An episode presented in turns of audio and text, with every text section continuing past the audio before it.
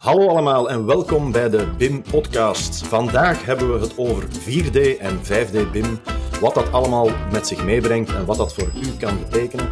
Ehm, en ik heb specialist ter zake Joost Wijnen uitgenodigd. Hallo en welkom bij de BIM podcast.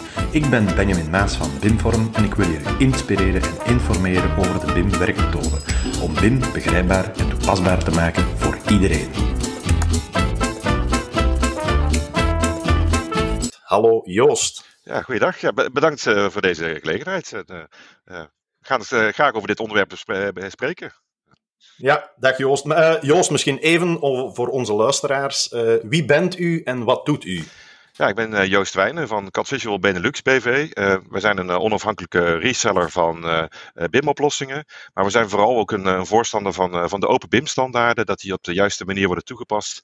En daarom is onze slogan Building Lifecycle Management, dat we de informatielevensloop eigenlijk in de hele keten met elkaar willen verbinden. Dus, dus dat is onze missie, okay. zou ik maar zeggen. Oké, top. Dan heb ik de juiste persoon voor deze podcast. Um, voor onze luisteraars, 4D, wat is dat nu juist?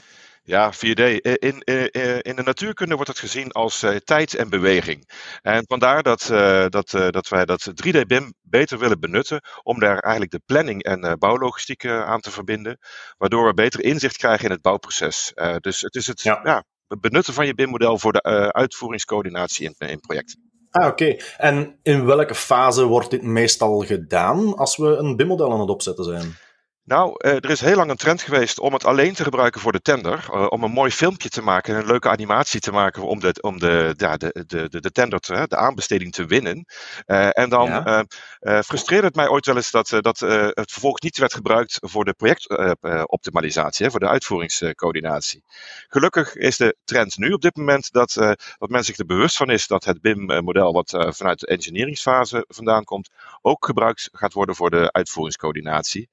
En uh, nou, uh, dus het 4D wordt uh, steeds breder ingezet. Eigenlijk loopt dat ja. gedurende het hele project tot en met oplevering, zou ik zeggen. Ja, en, en, en de partijen die er baat bij hebben om een 4D... Of wie zetten meestal een 4D op? Is dat de, de uitvoerende partij? Of, of kan dat al uh, een ingenieur zijn? Of, of hoe moeten we dat situeren? Nou, wat mij betreft uh, kan, uh, kan het 4D breed ingezet worden. Zowel bij een, een, een, haalbaarheidsstudie van wat zou een mogelijk uitvoeringsscenario kunnen zijn. Al vroegtijdig tijdens de ontwerp en engineering. Kan wellicht zelfs mm -hmm. van invloed zijn op bepaalde ontwerpbeslissingen. Hoe dat iets in de praktijk uitgevoerd moet gaan worden. Maar ehm, vooral eigenlijk toch wel vanaf vanaf uh, planvoorbereiding uh, tot en met uh, uitvoeringscoördinatie en eigenlijk tot en ja. met de opleverdocumentatie. Dus het 4D blijft continu up-to-date gehouden worden. Oké. Okay. En je zit al zeer lang in het vak. Um, wat zie je van problematiek naar boven komen? Allee, of waar hebben vele bedrijven moeite mee? Um, is dat iets wat uh, je kan meegeven? Nou, misschien toch nog even inderdaad refererend aan je vorige vraag. Van, ja, wie doet het dan eigenlijk? He, dat is toch best ja? een zoektocht. Uh, uh, we zien dat de BIM-coördinatoren of BIM-managers enthousiast zijn over dit soort technologie.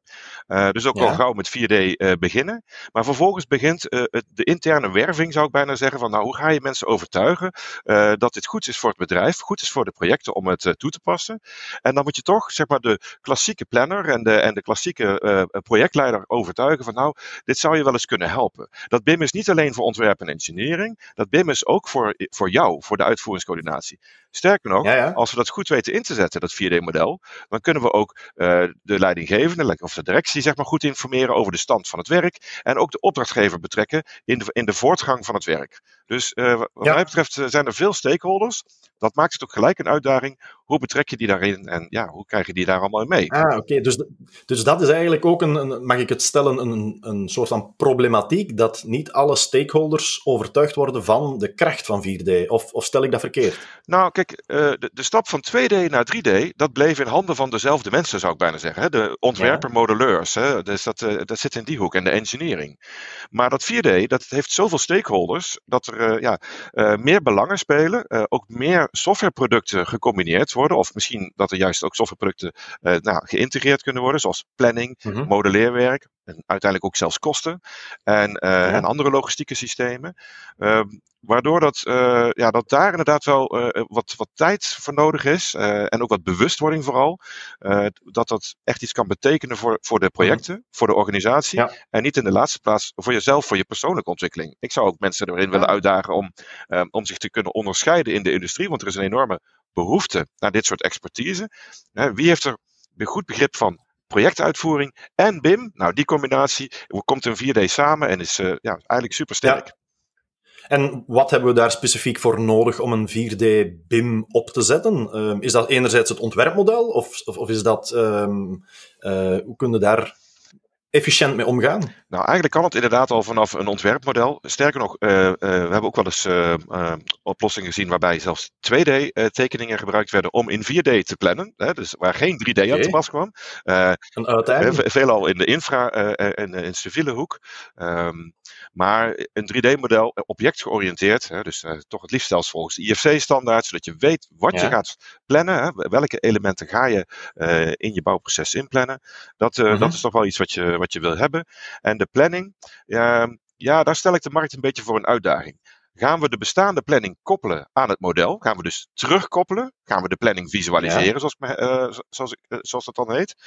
Um, dat is een beetje, uh, ik denk 80% van de markt plant op die manier. Dat ze de planning aan het model terug gaan koppelen. Ik zou de markt willen uitdagen om vanuit het model te gaan plannen. En uh, dus de, de, de properties en de, en de informatie in het BIM-model ook daadwerkelijk te gebruiken. Om je uitvoeringsproces en je planningsproces te voeden. En op die manier te zorgen dat werkelijk alles gepland wordt en een, unieke eigen taken krijgt. Ja. En uh, nou, dat is uh, een, een, nieuwe trend in het 4D. Ja.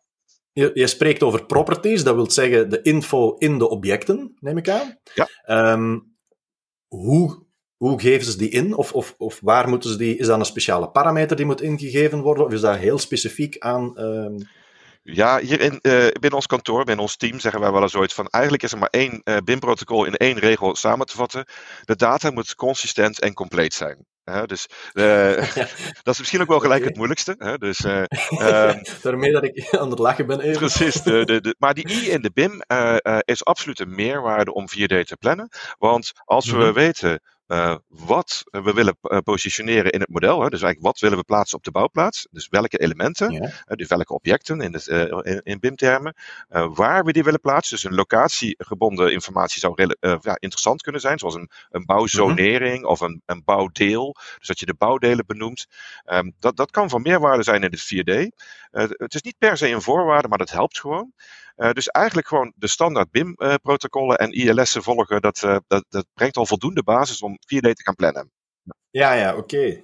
Um, zijn er, want ik, ik heb bijvoorbeeld zelf de functie BIM-coördinator in de tijd uitgevoerd. Um, daar wordt er vaak gesproken over clashcontrole. Dat zijn dan componenten onderling. Maar in een 4D-planning um, komen daar ook nog clashes in voor als we ze aan het samenstellen zijn? Of spreken we dan van iets anders? Nou, interessant. Uh, uh, je zou twee soorten clashes in 4D kunnen onderscheiden. De ene is inderdaad of iets fysiek met elkaar clasht. In de zin van, uh, is een element wat, ge, wat geplaatst moet worden in de bouwplaats, ehm, kan die geplaatst worden terwijl het bijvoorbeeld het, ehm, ja, het bestaande deel reeds verwijderd is. Misschien bij een renovatiesituatie of dat er iets, iets ja. verwijderd moet zijn om iets te kunnen plaatsen. maar dat zouden ook stijgers kunnen zijn die, die, of, of, of andere tijdelijke voorzieningen die weg moeten zijn voordat er iets anders geplaatst kan worden. Dus die clash is meer de fysieke clash. Dat is uh, ja. uh, zeker een, uh, iets wat je zou kunnen toetsen in het 4D-model, ook in de tijd zelfs. dus is -huh. iets op tijd verwijderd om iets te kunnen positioneren. Maar een andere clash uh, is wat minder fysiek. Dat is, uh, alhoewel zou kunnen, dat is als verschillende disciplines niet in dezelfde ruimte bijvoorbeeld mogen, uh, mogen werken. En dat zou kunnen zijn dat een, een plafond of een installateur die aan het plafond moet werken en de vloerenlegger komen twee disciplines die eigenlijk niet samengaan in één ruimte. Dan zou je op disciplineniveau, ondanks dat het misschien alleen de IFC space, hè, de ruimte is waar je op, op, op plant op dat moment, want misschien zijn die installaties helemaal niet gemodelleerd. Op die manier kun je toch ook disciplines met elkaar clashen. En uh, uh, ja, je planning lean maken door dat dan weer te levelen. Hè? Dus je planningstechniek uh, houdt dan in dat je gaat levelen en zo strak mogelijk achter elkaar alle disciplines gaat plannen. Ah, dus als ik het goed begrijp, is er ook software op de markt die het lean-principe of ja, kan gaan visualiseren. Dan. Ja, zeker. En dit is ook wel waar, ehm, eh, ehm, waar, waar zeg maar de, de, de, volgende stap in 4D genomen wordt. Kijk, een, ja? een, klas, een, een, klassieke manier is de planning terugkoppelen naar het model. Uh, dan ja? zit je toch al met uh, verschillende levels of detail, zou ik maar zeggen, in zowel de planning als de, ele, de 3D-elementen die niet helemaal precies op elkaar zijn afgestemd. Maar als je ja. vanuit het model gaat plannen, dan kun je inderdaad die lean planning eigenlijk vol automatisch doorvoeren. En daar is inmiddels ook software voor, dus die dat ja. Parametrisch plant. Ja, oké, zeer interessant. Um, ik heb gehoord uit de 4D-omgeving, um, of de, het 4D-plannen, dat, er nog heel, dat jij de bouwwereld voor heel wat uitdagingen stelt. Um, zeer goed. Uh, ik vind het ook een, een, een, grote uitdaging om iedereen mee uh, op de kaart te krijgen. de dag van vandaag, Joost, is er zeer veel te doen, naar mijn inziens, over 5D. maar misschien eerst om de luisteraar te sensibiliseren. Wat is nu 5D? We weten nu wat 3D is, wat 4D is, maar we spreken nu in één keer over 5D. Ja, bij 5D zou, slaat eigenlijk de marketing een beetje toe. Want 5D, daar heb ik geen uh, uh, uh, wiskundige of natuurkundige verklaring voor. dus het is een beetje de marketingterm voor de kostencomponent. dus het is synoniem voor, om de kosten ook in het model terug te koppelen, zodat tijd en kosten, wat samen toch wel de meest relevante sturingsindicatoren voor, voor bouwprocessen zijn, um, om, om die inzichtelijk te krijgen. Dus ja. tijd, kosten en daarmee komen ook de risico's uh, zeg maar in beeld. Dus, ah, Oké, en waarom zouden we aan 5D gaan doen? Het zit hem vooral in de, uh, in de uh, projectbeheersing eigenlijk, de kostenbeheersing ook. Um, ja. Er is veel interesse in de, de voortgangsregistratie van het project om te weten van waar staan we nu en gaan we het, project op tijd afkrijgen. Maar ja. Uh, ja, projecten komen toch in het nieuws als ze over budget gaan. En het is vaak niet bekend waarom ze over budget gaan. En als je wel zeg maar op objectniveau de, de, planning zou volgen en daarmee ook de kosten daaraan zou kunnen koppelen, dan ja. ontstaat er enorme meerwaarde in de data die daarbij vrijkomt komt eigenlijk door het te combineren van die informatie, waardoor je gaat leren van de projecten, statistische informatie eigenlijk opbouwt, om volgende projecten nog efficiënter te doen en hopelijk het lopende project nog goed te kunnen bijsturen. Dus Oké. Okay. En, en wat merk je hier voornamelijk in, in de markt? Want ik neem aan dat je heel veel in contact komt met bedrijven die willen 5D uh, gaan toepassen. Maar hoe, hoe, gaat de markt in Nederland en in België ermee om? Want je spreekt over Benelux daar straks. Um, ja, kijk, 5D, in eerste instantie wordt er gekeken naar het uh, calculeren, het begroten van het project. Dus het, het, het, het vooruit plannen of het vooruit begroten van een project. Maar uh, waar dus die interesse vanuit het management vandaan komt en vanuit de opdrachtgevers vandaan komt, is van ja, wat is er daadwerkelijk fysiek geleverd en uh, wat moet er fysiek betaald worden? Hè? Dus wat is er werkelijk, wat zijn de betaalstaten -hmm. en de betaaltermijnen?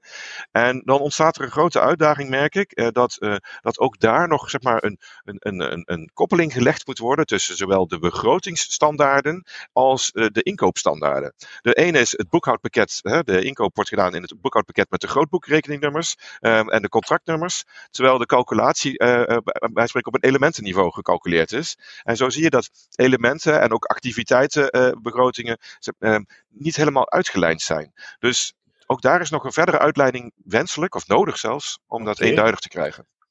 En, en, en zijn er dan geldende standaarden uh, of dergelijke in? Of, of, of doet iedereen op dit ogenblik maar wat hij of zij denkt dat. Of ik zou bijna zeggen, er is maar één standaard en dat is steeds de projectstandaard van de medewerker die op het project zit. Hè. Dus eigenlijk uh, ah, okay. um, was er maar zo'n open standaard zoals, uh, zoals IFC dat heeft voor, voor BIM. Uh, dat ja. er iets voor een work, breakdown structure of een cost coding structure, dat daar zeg maar standaarden voor waren. het, op zijn minst voor de Benelux zou ik dan willen zeggen. Ehm, ja. Zodat we die zouden kunnen doorvoeren. Ondanks dat er wel standaardisatie is op elementenclassificaties, zoals in, in Nederland -huh. hebben we daar de NLSFB voor bijvoorbeeld, zie je toch dat projecten en bedrijven hun project zo uniek vinden dat ze eigen uh, uh, begrotingsregels en begrotingscoderingen uh, ontwikkelen. En ook als bedrijfsstandaard, als, een, als toch wel als een soort van groot bedrijfsgeheim hanteren. Zelfs, ja, ja. zelfs als wij een non-disclosure agreement getekend hebben, hebben we er moeite mee, of schijnt er moeite te zijn, om die kostenbestanden met ons te delen, om het voor hun te implementeren en werkbaar te maken. Ja. Dus daar zit een soort van, nou ja, dat, dat is het laatste spannende deel van het bouwbedrijf. Die transparantie is toch wel een uitdaging. En...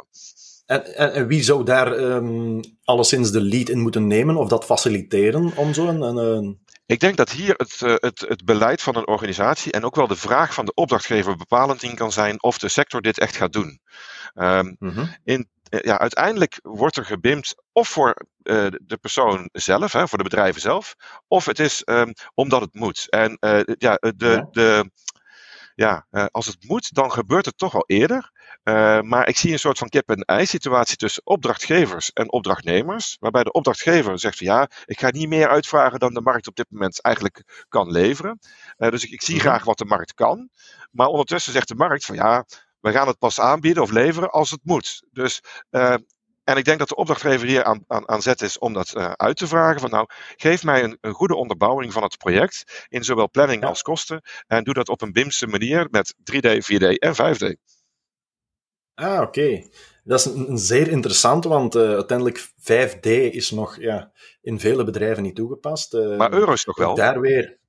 Euro's is toch wel gewoon een standaard, zullen we zeggen. Dus, dus, dus, dus um, ik, ik moet eerlijk toegeven, 5, d ik ben daar niet zo in de diepte in, um, um, in, in, in ja, betrokken, zal ik zeggen. Um, maar hoe zouden bedrijven zich kunnen ja, inwerken in het 5D-gegeven? Is daar iets, iets, iets van uh, documentatie ter beschikking of, of, of kunnen ze ergens. Um... Nou, wat, wat, wat uh, enorm helpt is als het, uh, het management van een organisatie betrokken wordt in welke BIM-output er allemaal mogelijk is. En zodra daar planning en kosten ook aan gerelateerd worden, dan wordt het een, een meer begrijpelijke taal voor, voor, ja, eigenlijk voor de directievoering en voor, de, voor het management. Want dan zien ze die euro's. En ja. Ehm, wat daarbij helpt is eigenlijk om daar dashboards van te bouwen, bouwen zoals uh, ja, van, die, van die grafieke tools, zoals, zoals Power BI en dergelijke, waar je ja. um, de, de, de stand van het werk in kunt visualiseren. En dus eigenlijk ook van meerdere projecten uh, uh, vergelijkingen kunt gaan ja. maken. En dan, uh, dan zal vanzelf ook inzichtelijk worden of, of duidelijk worden van nou, het, het belang van, die, van dat bouwinformatiemodel is toch eigenlijk wel heel erg veel, ja, veel breder als misschien oorspronkelijk is voorzien. Het is niet iets van de tekenkamer. Het is niet alleen iets van, van de BIM-coördinator of de BIM-manager. Nee, het is iets van het hele project. En eigenlijk van het hele bedrijf. En ik denk dat, uh, dat dat om een stukje beleid en visie vraagt. Maar dat wordt uh, uh, onderbouwd door het inzichtelijk te maken. Dus ik denk dat alle zijden van de tafel daar wel ja, een bepaalde verantwoordelijkheid in hebben om daar open over te communiceren. Niet bang te zijn ja. voor die transparantie en innovatie die dat misschien met zich meebrengt. Um, maar ja, het toch gewoon eens te gaan doen. Want ik denk dat het tot inzichten leidt die je misschien niet zou verwachten. Dus, die, die dus tot beter inzicht okay. van de projecten gaat leiden. Ja, ja. Zeer interessant. Um, gisteren hadden we het ook nog over ja, um, een ex. Ik ben op een gegeven moment Peter geworden van um, een student van Thomas More uh, destijds, uh, Michiel. Ja. ik vond het zeer interessant en ook uh, zeer leuk dat, dat ja, studenten echt ook in de digitalisatie geloven.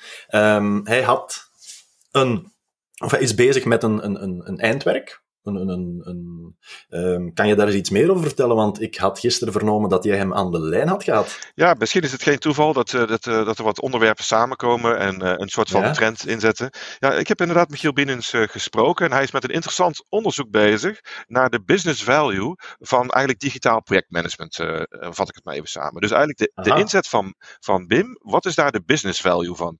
En dat sluit een beetje aan op wat ik net een beetje aangaf. Van als de business case uh, uh, van, van het toepassen van BIM in het bouwproces uh, inzichtelijk wordt en de waarde daarvan erkend gaat worden, dan ja. denk ik dat we daar een, een, verdere versnelling kunnen gaan organiseren in de ketendigitalisering. En ook een, een, bredere inzet van, van en waardering hopelijk ook voor, voor de inzet van BIM. Dus, uh, okay. dus die business value, daar ben ik zeer in geïnteresseerd. En uh, ja? ik weet dat uh, hij ook op zoek is naar, naar, naar, naar, business cases natuurlijk. Of eigenlijk organisaties die dat ook interessant vinden om dat te onderzoeken. Okay. En ik ben ook voor hem aan het kijken van, nou, ik heb vast wel een paar accounts van ons waar, waar, waar, dit op de actuele onderwer onderwerpen zijn op dit moment om dat te bespreken. Maar misschien dat, dat jij er ook nog wel een paar kent. En anders misschien de luisteraars nog wel. Ja, ik, ik, ik, ik, wou het net zeggen. Uh, bij deze wil ik de luisteraars zeker oproepen om eens uh, contact op te nemen met Michiel en eventueel te na te denken over een business case. Uh, het kan alleen de markt maar verder helpen. en wat mogen we er eigenlijk van verwachten? Of wanneer zou er iets van Ik weet dat hij in, Ehm, september zijn onderzoek moet afronden. Dus, eh, maar in de komende weken wil hij al eh, een poll gaan houden. Dus hij, hij is nu in voorbereiding Ja. om, een, eh, om een enquête, eh, eh, een, en ik neem aan een online enquête op te zetten. Eh, Ja. Dus eh, dan zal hij dat marktonderzoek willen doen. Ik heb nog wat andere marktonderzoeken met hem gedeeld. Maar het is eh, vooral interessant om op deze onderwerpen eh, eh, wat verder te gaan kijken. Want meestal zijn eh, de BIM-onderzoeken nogal technisch ingegeven vanuit eh, ontwerp en engineering. En dit gaat echt vanuit Ja. de business. En ik denk dat, eh, dat daar eh, Oké. toch wel een onderscheidend vermogen ligt. Dat, eh, dat eh, ja, de business value, zoals een onderzoek ook heet, onderzocht gaat worden. Oké, maar dan zijn, dan zijn er zeer veel bedrijven die hier baat bij gaan hebben, als ik het zo mag kortsluiten. Eigenlijk is elk project belangrijk genoeg om, om dit goed onder controle te krijgen, lijkt mij. Ja, ja, ja, oké. Oké, dus ehm, van het ogenblik dat deze poll tevoorschijn komt, ga ik hem ook zeker delen. En ik zou de luisteraars willen oproepen om hier actief aan deel te nemen. Ehm, Joost, we zijn bijna aan het einde van deze podcast. Wat zou jij als ehm, expert in het 4D en 5D plannen nog aan onze luisteraars van ultieme tip willen meegeven? Ja, dat, eh, ja, dat, zijn, dat kunnen er veel zijn. Ehm, ehm, Het mag gebundeld zijn. Ja, nou, ik, eh, eh, ik zou vooral willen zeggen van, eh, eh, we bimmen om te bouwen, zeg ik maar. Dus het is niet alleen om te ontwerpen en te engineeren. Neem dat BIM-model mee eh, in, het, in het hele bouwproces. En eh, dan gaan we het misschien ooit, ooit ook een keer over 6D hebben. Ik zou het graag ook willen overdragen aan de opdrachtgever dat die het BIM-model in ontvangst neemt. Hè, dat verrijkte BIM-model eh, met alle projectinformatie, inclusief alle eh, actuele projectgegevens erin. Dus ja, ik zou zeggen, het BIM is meer dan alleen 3D en 4D is ook veel meer dan een animatie.